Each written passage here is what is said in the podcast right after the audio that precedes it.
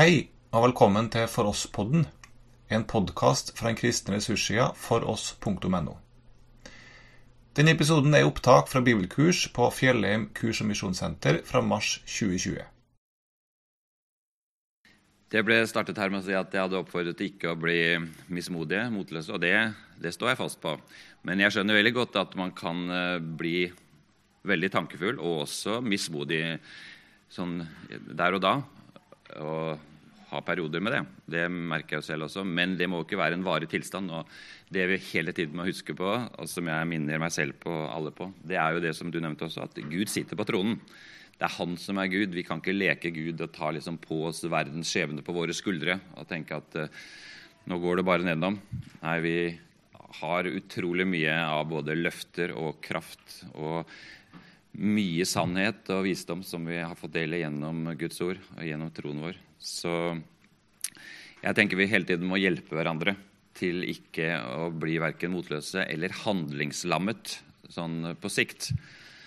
Og det er jo ikke minst en oppfordring som gjelder på det temaet vi skal ha oppe nå. For nå skal vi gå litt mer inn i detaljer på dette som står her på veggen. Den, kjønns, nei, den radikale kjønnsideologien. Og den er radikal, og den er fullstendig på kollisjonskurs, veldig mye av den, med det som eh, vi som kristne står for, og som eh, de aller, aller fleste kristne i verden står for.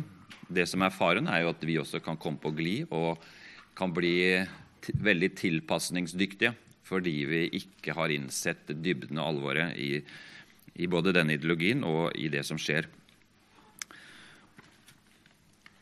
Jeg har lyst til å starte med en eh, liten ordliste som eh, sier eh, litt om noen få sånne stikkord som vi hører stadig oftere, og som eh, det er greit å vite omtrent hva det betyr.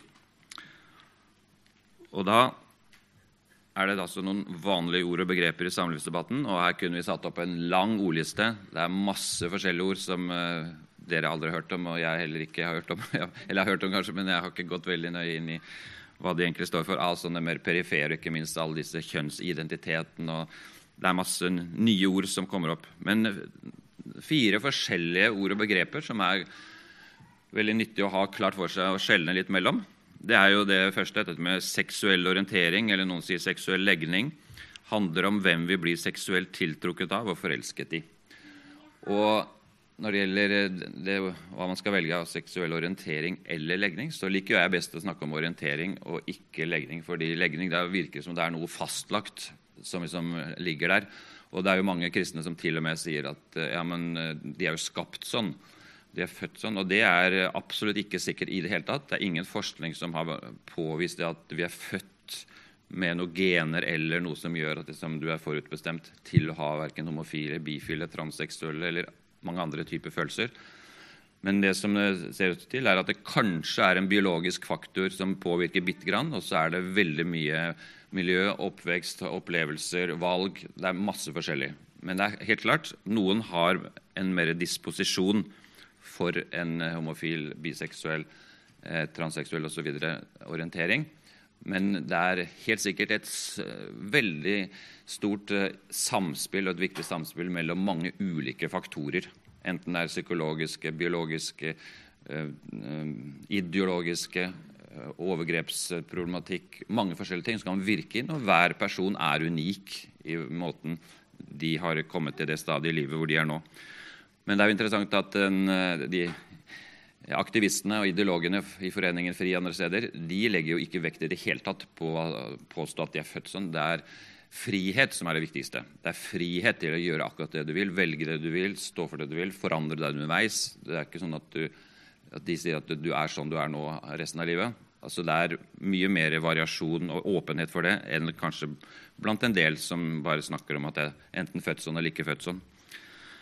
Så det er bare et lite innspill på akkurat det med orientering. Det er den retningen du opplever i øyeblikket at du har seksuell tiltrekning.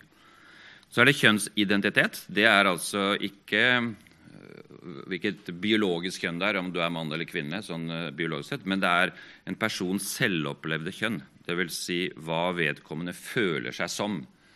Og Det er derfor vi har så veldig mange sånne lister med kjønnsidentiteter, og mange, som jeg nevnte i går. At det er nå i hvert fall 71 forskjellige varianter som man opererer med, og noen opererer med enda flere. Og det er fordi det er veldig mange forskjellige preferanser og ønsker og opplevelser og følelser inne i bildet, og da kan hver enkelt nå definere det akkurat som de vil selv. Og det er sånn du er. Det er den du er, eh, sier folk. Det er det du selv føler deg som. Uansett hvordan du har det biologisk, og hvordan du ser ut, og hvordan du er skapt eh, som mann eller kvinne. Så er det kjønnsuttrykk. Det er da måten man uttrykker sitt kjønn på. Gjennom f.eks.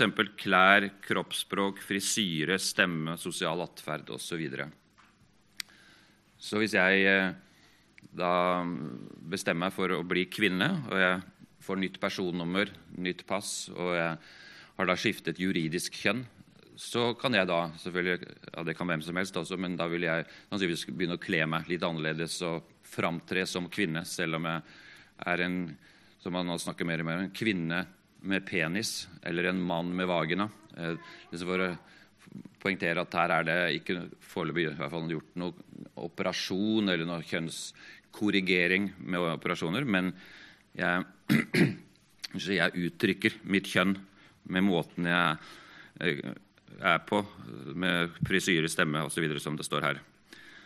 Og så er det transperson. Det er en person som helt eller delvis ikke identifiserer seg med det biologiske kjønnet en er født med. Man føler altså at man er eh, det motsatte kjønn eh, eller et annet kjønn. For nå opererer jo denne radikale kjønnsideologien med flere kjønn. Det er utklart uklart hvor mange. Det er det ingen foreløpig som har definert, bortsett fra én person, nemlig han Espen Ester Pirelli Benestad, som har en liten sekvens på NRK. NRK har gitt ham en plattform nå i flere år hvor det ligger en kort, liten videosnutt. Visste du at det finnes sju kjønn? Så Han mener at det finnes sju kjønn, men det er det jo veldig få som er enig med ham i. Uh, fordi han tar jo fram misdannelser og diagnoser, sykdom, og som om det er nye kjønn. Men det er jo helt feilslått etter de flestes begreper, for kjønn har mye, mye mer dyptgripende enn det. Og hvis ikke et kjønn kan reprodusere seg, hvis ikke det finnes kjønnsceller for det kjønnet som man påstår finnes, så er det jo ikke noe biologisk kjønn. Det er jo bare kvinnelige kjønnsceller og mannlige kjønnsceller som finnes. Og hvis man sier at noen som er født med defekte kjønnsorganer ved fødsel, som jo er det som før ble kalt hemafroditter, som man nå kaller intersex. Det er mellom 10 og 15 personer i året, barn i Norge, som blir født med det av de 55 000 barna som ble født. Men mellom 10 og 15 per år. Men det er jo ikke noe nytt kjønn. Men det er, det er en diagnose som man prøver å, å korrigere og velge enten på barnets vegne eller at barnet senere velger om det vil være mann eller kvinne. Men så er det noen da som får en medisinsk diagnose når det gjelder dette med transtematikk. En medisinsk diagnose som bekrefter dette, at de virker, dette er virkelig dyptgripende hos dem f.eks. kjønnsdysfori eller kjønnsinkongruens, og disse blir gjerne omtalt som transseksuelle. Noen av dem får kjønnsbekreftende eller kjønnskorrigerende hormonbehandling og eventuelt kirurgi. Og det er det som er den store tematikken nå også, som har vært i avisen Dagen, som sikkert flere har fulgt med på denne uka, hvor eh, det kommer fram ganske dramatiske ting også med hva som nå kan bli tilfellet i Norge når det gjelder hvilken behandling barn, eller ikke minst ungdommer, får som, eh, som plutselig opplever at de, de, ønsker eller de mener at de er det motsatte kjønn. Og Det kommer vi tilbake til om en liten stund. Men dette var altså en liten ordliste.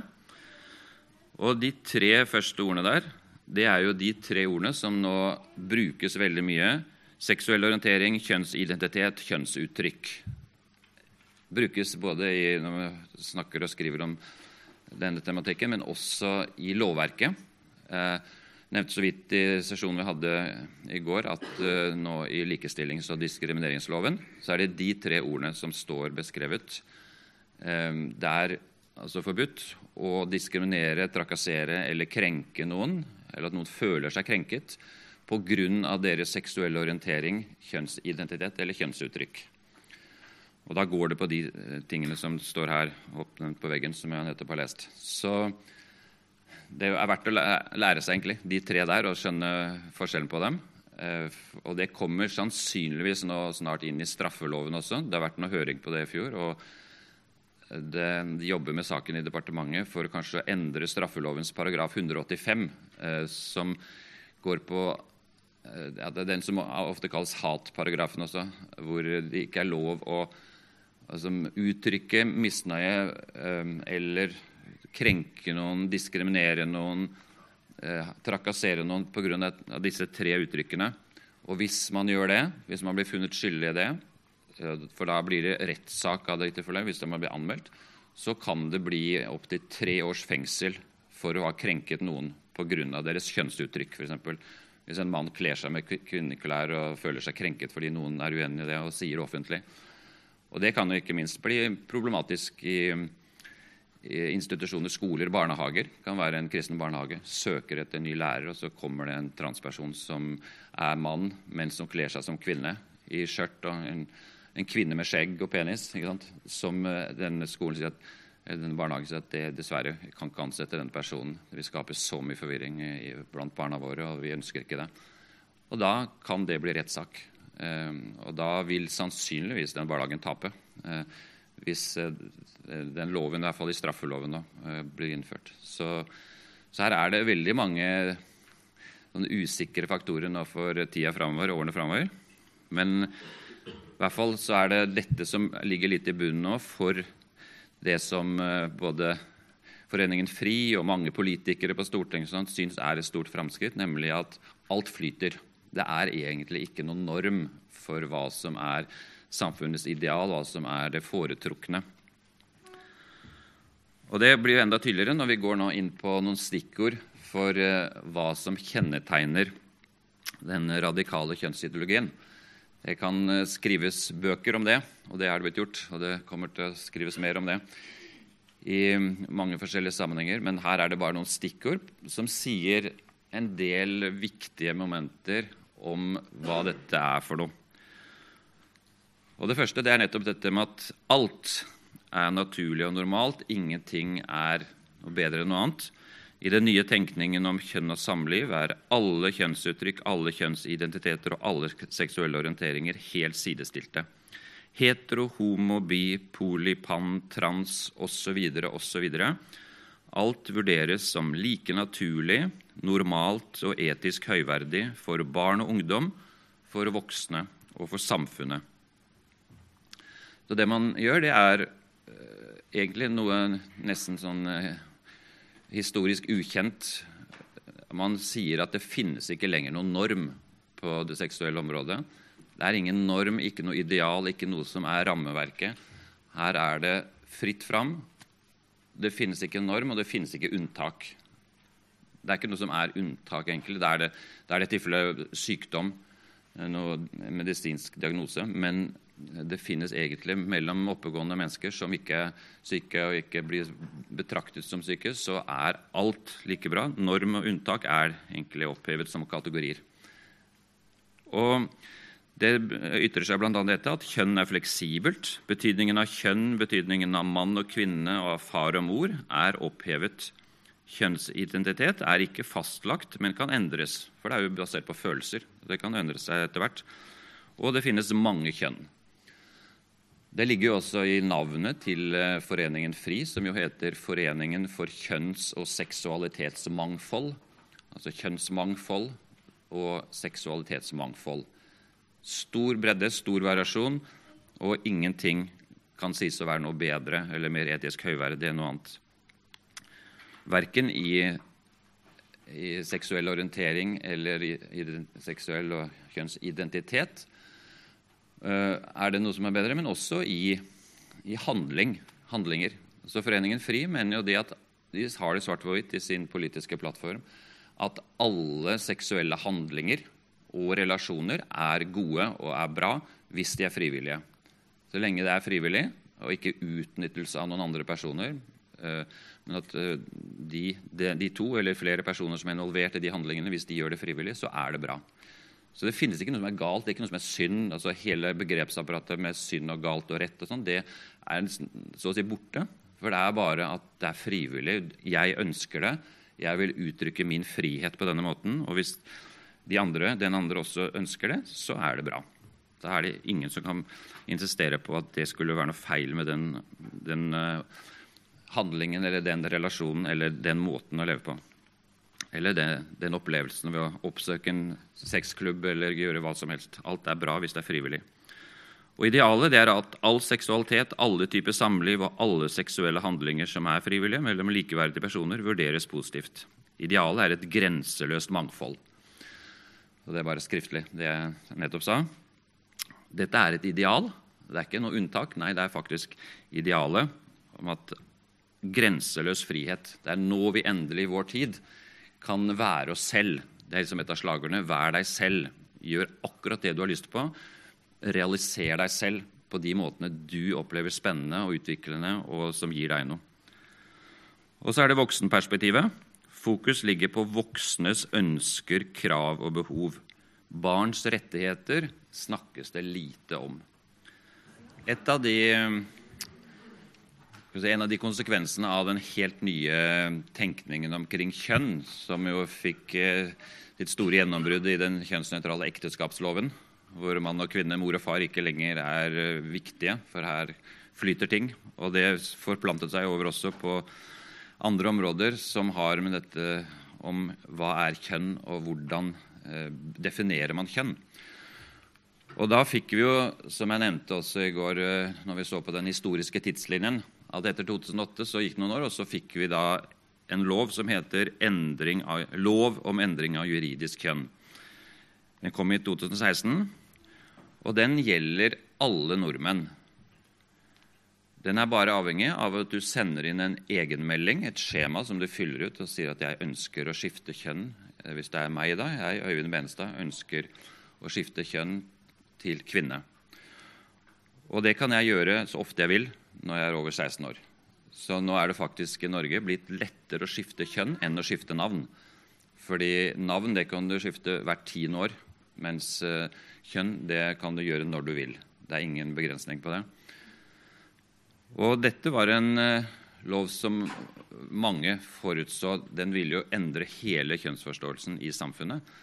Men det som var hensikten med loven fra politikernes side, men de tenkte veldig kortsiktig etter mine begreper kortsiktig og overfladisk. Og det var jo ingen offentlig utredning omkring saken. Det var ingen stortingsmelding, det var ingen konsekvensanalyse eh, omkring hva vil dette føre til. Så uansvarlig. Eh, men allikevel så var det kun Senterpartiet og Kristelig Folkeparti som stemte imot denne loven. Mens alle de andre stemte helt enstemmig for. Dette var flott, fordi dette var ment for å komme i møte de som virkelig sliter med sånn såkalt kjønnsdysfori. At man føler det er ikke samsvar mellom følelsene og tankene mine og kroppen min. Og det har det jo i mange år, eh, kanskje alltid, vært noen som har, følt det. En sånn brøkdel av en promille eh, av barn og ungdom. Eh, I løpet av mange tiår så har det senteret på Rikshospitalet som tar imot henvendelser angående kjønnsdysfori, det har vært noen få i året. Eh, så i løpet av 50 år så har det vel hatt uh, operasjoner med alvorlig behandling med 50 stykker. eller noe. Det er liksom veldig Eller kanskje litt, men 150. Men i hvert fall det er bare noen få i året. Og det var liksom For å komme i møte disse få menneskene så skulle vi nå få en ny lov. Og I stedet for å målrette den loven mot disse folka som virkelig sliter, og som trenger uh, både psykologisk og faglig hjelp, så åpnet man altså hele kjønnsfeltet og sier at nå kan enhver nordmann skifte kjønn når de vil. Og det var bare sånn å, å overdimensjonere fullstendig eh, en sånn lov til å nå ikke lenger gjelde de som var, den egentlig var bestemt for. Men det var for å åpne opp for enhver til å nå tenke helt fritt omkring kjønn. Og det fører jo da til bl.a. det vi ser nå i, i samfunnet at så mange barn og unge eh, de begynner å bli forvirra fordi alle barn har nå av denne nye loven fått et nytt livsprosjekt. De må finne ut er jeg mann eller er jeg kvinne. Og det, det har jo blitt så dramatisk nå at også de aller fleste nordmenn som nå har fulgt litt med, og også kristne, skjønner at dette er jo ikke lenger noe som bare gjelder en liten gruppe eller for noen folk med spesielle interesser eller noen som virkelig har problemer. Nei, det gjelder jo mine egne barn og barnebarn. Nå skal de lære i barnehagen og skolen at eh, du, Ole, det er ikke sikkert du er gutt. Kanskje du er jente. Eh, og motsatt. Du, Lise, kanskje du egentlig er gutt. Altså, det er ikke det at det nødvendigvis blir sagt av læreren sånn direkte, men det er det som er budskapet som man lærer nå, og som f.eks. en rosa kompetanse eh, underviser eh, til lærere, til sykepleiere, til eh, også barn, at kjønn er i fri flyt. Flytende kjønnsforståelse. Og Dere skal få nå et ark som vi laget som en annonse før denne loven ble vedtatt. Og den er et interessant lite sånn ressursark med både utdrag av loven, noen få av paragrafene, og også litt refleksjon omkring hva dette vil gjøre. Dette ble skrevet uh, før loven ble vedtatt, men uh, den er bare litt omarbeidet i innledningen for å, vise at det er noe som ble vedtatt for tre år siden. Snart fire år siden. Men uh, innholdet er like aktuelt i dag som det var det, før den ble vedtatt.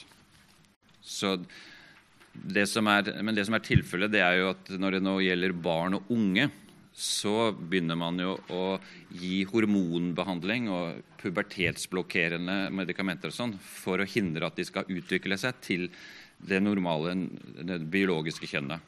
Så dette er bare, Det som nå snakkes mer og mer om, også, om behandling, det er jo noe som er en konsekvens av denne loven. Men dette er en juridisk, endring av juridisk kjønn, hvor altså en, jeg kan uh, bli juridisk kvinne, og så kan jeg leve som kvinne resten av livet, men med mannskropp. Eh, altså jeg kan framtre som jeg ønsker som kvinne uten å operere meg. Eh, så det er mange som gjør det nå, og mange som kommer til å gjøre det. Eh, og Det er derfor man nå snakker om, det blir mer og mer vanlig om å snakke med kvinner med penis. Og menn kan føde barn osv., så sånn som er overskriften på dette arket. Fordi du har ikke operert bort vagina. Du har ikke gjort deg selv steril, som jo er tilfellet når du begynner å få behandling. Og Det er jo noe av det som er så alvorlig med alle de barn og unge som nå begynner på hormoner. Altså det, er det, det, mange, eller, det er ikke mange som gjør det foreløpig i Norge, men det er det det legges opp til. At det skal bli mange flere. Jeg skal nevne det som var i Stortinget faktisk på tirsdag, eh, og som helt sikkert kommer opp igjen snart. Men i hvert fall, her på dette arket som dere nå fikk, så ser dere at det står i den midterste spalten der eh, sitater fra lov om endring av juridisk kjønn. Og da, Definisjonen er at med juridisk kjønn menes det kjønnet en person er registrert med i folkeregisteret. Fordi jeg har sendt inn en, eh, et skjema hvor jeg nå har skiftet kjønn. Og Da er det det som står registrert. Og jeg har fått nytt personnummer. Hvis det er meg, og jeg ønsket å bli kvinne og nå har fått det godkjent for, Og det er ikke noe sånn at du må gjennom en lang prosess. Du får det godkjent automatisk hvis ikke, er, hvis ikke du er syk eller det er noe, at du er psykisk utviklingshemmet. Det er gjort dette uten at det var ansvarlig. Men hvis det er oppegående person, så, så blir det godkjent. Og da er jeg kvinne med, med kvinnelig personnummer og med uh, avkrysset 'kvinne' i passet. Og så er det paragraf 4. Endring av juridisk kjønn for barn. Barn som har fylt 16 år, kan selv søke om endring av juridisk kjønn. Barn mellom 6 og 16 år må søke om endring av juridisk kjønn sammen med den eller de som har foreldreansvar for barnet.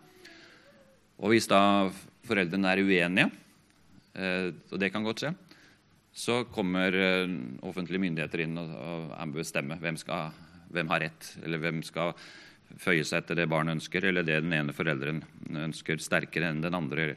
Det har jo allerede vært i utlandet noen rettssaker om sånne ting, om eh, når foreldre er uenige.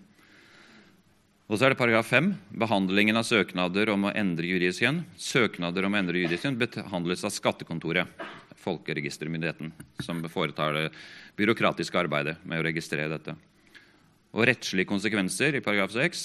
Eh, det juridiske kjønnet skal legges til grunn ved anvendelsen av andre lover og forskrifter. Så hvis jeg har et juridisk kjønn som kvinne, jeg har kvinnelig personnummer, så er jeg kvinne i alle sammenhenger. Og eksempel, Jeg hørte med en, som, en jente på 20 år som ville gjerne komme inn på sykepleien i Kristiansand. Men hun hadde litt for dårlige karakterer. Men hvis hun hadde blitt eh, juridisk mann, gutt, så hadde hun kommet inn. For det var lettere, det var kvotert inn gutter for å få flere gutter på studiet. Og Da vurderte hun kanskje jeg skulle bli gutt et år og så komme inn på studiet. og så kan jeg konvertere tilbake eh, når jeg får lyst til det. Så det er bare liksom én type misbruk.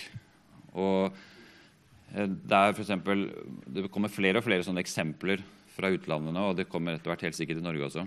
Men eh, i England for et par år siden så var det en juridisk kvinne, som altså er mann, en kvinne i mannskropp, som uh, hadde fått godkjent av å være kvinne, hadde det som personnummer i England, og begikk en forbrytelse ble satt i fengsel, og da forlangte han det hadde han rett til, å komme i kvinnefengsel. For han er jo kvinne eh, juridisk. Og det fikk han lov til. Men etter et par måneder så ble han flyttet til mannsfengsel fordi han hadde begått seksuelle overgrep mot fem medfanger. Eh, fem kvinner i fengselet. Og for to år siden, nei, I fjor og for to år siden så var det en eh, jeg tror han er canadier, australier, som er juridisk kvinne men som har foretatt noe behandling fordi han er nødt til det som idrettsmann. Men denne mannen, som er juridisk kvinne, har nå vunnet VM i innesykling for kvinner to ganger. Så han står øverst på seierspallen. Uh, han måtte ta noe sånn østrogensak og sånn for å få ned testosteronnivået, men det er jo likevel mye høyere enn kvinners. Og han har sin muskelmasse, og, sånn, og mange protesterer. Og i USA så er det nå stadig flere som får øynene opp for hva dette fører til av misbruk. For nå er det mange menn som eh, blir juridiske kvinner i USA. Og så søker de om idrettsstipend på colleger og universiteter. Og får det fordi de har jo bedre resultater enn de biologiske kvinnene. Så dette er veldig sånn antifeministisk. er Det man som føler nå også. Det fratar kvinner sine, deres rettigheter så det er mange kvinner som mister sånne idrettsstipend og kan få betalt studiet sitt fordi de er gode i idrett. Men da er det menn som overtar i stedet fordi de er juridiske kvinner. Så her er det mye merkelig som skjer. Og her samfunnet og de forskjellige landene må finne ordninger her. Men samtidig er denne transbevegelsen veldig sterk og veldig aggressiv. Så før, altså Mange av de som før var forbilder innen feminismen, og som har skrevet bøker og vært hyllet, Flere av dem er nå utstøtt i det ytterste mørket. De blir boikottet, de får trusler, de får ikke lov å undervise på universitetene. De får yrkesforbud, flere. Fordi det er så ukjærlig, så gammeldags, så fordømmende, så ondskapsfullt å ikke godta at en mann ønsker å være kvinne, og da er han kvinne. Det er bare så er, ja, forkast, Det er forkastelig oppførsel å ikke godta det. Og Det er det vi kommer til å se mer og mer nå også i Norge. Det er jeg sikker på. Ikke bare sånne misbruk, men at det blir sett på som så forkastelig å mene at en, en, manns, en mann ikke kan være kvinne, og en kvinne ikke kan være mann. Eh, så her står vi overfor virkelig paradigmeskifte i forståelsen av hva kjønn er. Men da er det to som har rukket opp hånda her. Først er det det. Ja, Det er et godt spørsmål som jeg vet ikke svaret på. Fordi det er så mange som reagerer av kvinner når det kommer inn en, en juridisk kvinne i mannskropp eh, og ønsker å dusje med, med, andre kvinner. Det har det jo vært eksempel på i Norge. Det var jo en større sak i Stavanger nå, for et par år siden hvor en mann insisterte på Han gikk inn i kvinnegarderoben og ville dusje der, men så var det noen som reagerte. Og de ble jo irettesatt i første runde, de, de kvinnene som ikke godtok at det kom inn en juridisk kvinne med mannskropp. Eh, og så ble det noe sak i bystyret, eller noe, så fikk, så fikk svømmehallen beskjed om eh, at eh, foreløpig iallfall så skal ikke mannlige eh, kropper være i kvinnegarderober. Eh, men eh, hvordan dette her kommer til å løse etter hvert, det vet jeg ikke. Og Miljøpartiet De Grønne hadde jo som et av sine forslag, og det støtter jo også Arbeiderpartiet, eh, nå før jul, da det var snakk om så mye homoterapi, som egentlig bare var et skalkeskjul for alt det andre. Eh, for det var mange andre ting som var mye viktigere og mye mer alvorlig enn det som noen mente om såkalt homoterapi, som aldri hadde Det ordet var et nytt ord i norske språket som ingen hadde brukt før. Hva er det for noe? Men det som er et av forslagene fra Miljøpartiet De Grønne, det er at eh, alle nye skoler og alle nye offentlige bygninger skal inneholde også kjønnsnøytrale toaletter og garderober. Og hvordan det skal være Om det skal være tre garderober da, én for menn, én for kvinner og én for andre, eh, transpersoner eller andre typer kjønn, det vet jeg ikke. Eller om det, eh, om det skal være kun for altså to garderober, og så skal folk velge selv hvilken garderober de går i. Ut fra hvilket juridisk kjønn de har eller hvordan de føler seg når det gjelder kjønn. Men her er det mye forvirring, og det er masse som ikke er avklart. Så her er vi i en prosess, eh, hele samfunnet. Eh, hvordan dette skal både vedtas i lovsform, men også gjennomføres. Så var det spørsmål der? Absolutt. Ja, og Lovanvendelsen her er jo helt uklar, fordi det har ikke vært noen skikkelige saker ennå på dette. Men i likestillings- og diskrimineringsloven så står det at krenker eller at det fører til det man gjør, fører til krenkelse. Det var ikke meningen, men det kan føre til det. Så eh, jeg vet ikke hva som vil skje videre, men det er bare for å nevne at dette er nå i emning også i Norge. Og I Canada, jeg tror det var i fjor, eller kanskje det var i forfjor, så var det f.eks. en eh, som eh, leder en lokalradio i en delstat i Canada, og som hadde sagt i et program at eh, der og der skal en person opptre Jeg husker ikke hva det var, men det var. Det er en eh, juridisk kvinne i mannskropp. Og det var så krenkende. Han fikk høre om det han var omtalt. Han anmeldte det til politiet, og så ble det rettssak ut av det. Fordi det var så krenkende å ikke bare si at dette er en kvinne, en juridisk kvinne, men si at det er i mannskropp. Det var virkelig krenkende. Og da tapte denne radio mannen som hadde sagt dette offentlig, og måtte betale 30 000 dollar i bot fordi han hadde krenket denne, denne mannen, eller denne juridiske kvinnen. Så dette er eksempler. Da. Vi får se hva som skjer i Norge. Ja? Ja, det er et godt spørsmål. Altså Dette med personnummer indikerer jo mann eller kvinne. Hva med de som ikke identifiserer seg verken som mann eller kvinne? Eh, og der eh, vet jeg ikke, men det, er jo det som det handler om bl.a. dette forslaget fra flere partier i Stortinget også, om å innføre et tredje kjønn. Uh, og Der det, blir det en sånn sekkebetegnelse på alle mulige andre varianter. For man kan jo ikke innføre liksom, 30 kjønn. Så da blir det mann og kvinne eller X. Er det, det, er noen land som har innført det. og da vet jeg ikke helt om Kanskje det vil bli stående X i, på det nummeret. Det er jo det det midterste nummeret av de fem siste der etter fødselsdatoen, så er det jo fem tall, og da er det jo det midterste. For menn er det eh, oddetall. Jeg har tre mitt, og for kvinner er det et eh, partall. Og kanskje det da kommer et sånn personnummersystem, at det står X der, f.eks. Eh, jeg vet ikke. Men det er en interessant sak. Ja, vær så god. Nei, Det har med tror jeg, at eh, de vurderer ut fra seksuell lavalder.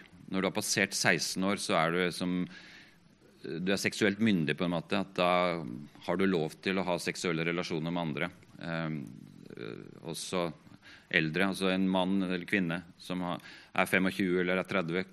Hvis vedkommende er over 16, så er det mye enklere å forsvare det. Hvis den er 15 år, så er det egentlig straffbart. Så jeg tror det har liksom, den den sammenhengen der. Og så er det sånn også da, som dere har skjønt indirekte, det vi har sagt hittil, at eh, det å få byttet kjønn i Norge, eh, juridisk kjønn, det er bare en selvmelding. Det er ingen rådgivning. Du behøver ikke å snakke med noen leger eller helsesøstre eller hvem som helst. Du kan bare på egen hånd finne ut at dette vil du gjøre. Det er ingen medisinsk diagnose som stilles. Det er ingen behandling eller kjønnsoperasjon for å skifte kjønn, altså skifte juridisk kjønn. Og Det, det anser jo mange som da en stor fordel at ikke man behøver å gjøre noe som helst. Ha kontakt med lege eller heller ikke ha noe diagnose. liksom Bli, bli framstilt som om du, du, er syk eller trenger noe behandling. Nei, For dette er noe som er basert på følelser. Eh, jeg er juridisk kvinne fordi jeg føler meg som kvinne. Ikke fordi jeg har gjennomført noe som helst fysisk eh, inngrep. Og Det har vi jo sett allerede, punkt tre der, at eh, barn ned til seks år kan skifte juridisk kjønn dersom begge foreldre er enige. Like rettigheter og plikter har disse som alle andre med samme juridiske kjønn. Kvinne med mannskropp, mann med kvinnekropp. Juridisk mann kan føde barn. Og det er jo ikke bare sånn eh, jeg sier at eh, juridisk mann kan føde barn, for det står det faktisk eh, også i departementets forarbeider, i kommentarene og merknadene til loven. Så står det, som jeg har sitert her på dette arket dere fikk utdelt også Departementets merknader til paragraf 6 i den nye loven inneholdt følgende utsagn. Dette innebærer bl.a. at en juridisk mann kan være i stand til å føde barn og Departementet sier også regelen skal gjelde tilsvarende for menn som føder. Så dette blir veldig spesielt. Og på en måte er det sånn at vi må bare si at er dette surrealistisk? Er det leve i den samme verden? Men samtidig så er dette nå noe som kommer med full styrke, og hvor det er så krenkende, det er så forkastelig å ikke godta dette, mener da stadig flere, og også politikere på Stortinget. Vær så god. Ja. Jo, altså det kan det. Men uh, her regner folk med at dette vil tilpasse seg ved fine ordninger. Uh, det viktigste nå er å komme i møte alle de som føler at de er et annet kjønn. Er det som er målet og det som er hensikten. Og så regner nok de fleste med at her vil vi finne ordninger, uten at man vet kanskje konkret alle de ordningene nå. Bare et par eksempler på ungdommer som har skiftet kjønn og også begynt på kjønnsoperasjoner. Det ene det er eh, hun Emma Ellingsen, som jo er en av Norges største influensere eh, som påvirker barn og ungdom.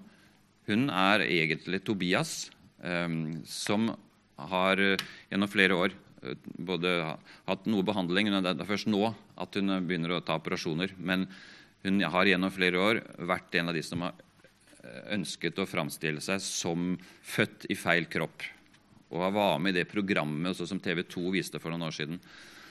Men hun har en veldig sånn livlig, eh, artig person som har sin egen YouTube-kanal, eh, YouTube-program, som hun legger ut jevnlig. Og har gjort det i flere år. Og hun har 300 000 følgere eh, og forteller om alt mulig i livet sitt, men også en god del om hvordan det har vært å skifte kjønn. Og det har vært en god opplevelse for henne. Hun syns det er veldig positivt og er jo med på å påvirke tusenvis på tusenvis av ungdommer til å tenke kanskje det er noe jeg også skulle gjort. Og Det som er så spesielt med den nye trenden som har kommet nå, nemlig ikke lenger at det er barn som helt fra de er små ønsker å være det motsatte kjønn, men særlig unge jenter som aldri har tenkt de tankene, i hvert fall aldri vist noe som helst at de ønsker å være gutt. De får plutselig for seg når de er 12-13-14 år, at 'jeg er egentlig gutt', 'jeg vil være gutt'. Og da er det ikke minst sånne folk som hun Emma eh, påvirker og forteller om sin, sin, egen situasjon. Og En av de filmene hun har laget på engelsk, har fått mer enn fire millioner visninger. Eh, og Det sier litt om den kulturelle påvirkningen nå på barn og ungdom. Og det som da er saken for veldig mange av disse uh, unge jentene som uh, nå får lyst til å bli gutt og ønsker det veldig sterkt, det er jo at Eh, oversikter og undersøkelser viser jo at eh, opp mot 70% av disse jentene de har andre psykiske utfordringer, psykologiske og psykiske problemer. Mange av dem sliter med autismeproblematikk, eh, spiseforstyrrelser, depresjoner forskjellig. Og så Min tolkning av det, i hvert fall, og som jeg, som jeg vet at veldig mange tenker, er at mange av disse jentene de tror jo at ved å skifte kjønn så blir de kvitt problemene sine. For det er det som er årsaken til at de har disse problemene. Det er jo at de er født i feil kropp. Så hvis de bare får gjort noe med det, så vil mye løse seg. Og det, det stemmer jo ikke i det hele tatt for de aller fleste. Altså Foreløpig har vi så lite erfaring, så vi vet ikke statistisk hvor mye her som, som vil være fordel for dem, og hva som ikke vil være. Men det er jo allerede en god del som har angret, både i utlandet og her i Norge. Men foreløpig har det ikke vært gjennomført mye operasjoner på unge mennesker her i Norge før de er 18. Det har vært veldig strengt, og det er det som nå SV og flere partier på Stortinget ønsker å endre. Rikshospitalet de har tenkt ansvarlig ved at dette må ta tid. Eh, barn må komme gjennom puberteten før de tar sånne livsvarige valg med å få hormonbehandling og få, eh, få operasjoner, fordi det vil gjøre dem sterile for resten av livet. Og det vil innvirke på hele deres liv for resten av livet. Og Derfor kan man ikke la 13-14-åringer bestemme det, at nå vil jeg gjøre dette. Du har nå hørt opptak fra bibelkurs fra Fjellheim kurs- og misjonssenter. Du finner mange andre opptak med undervisning på foross.no.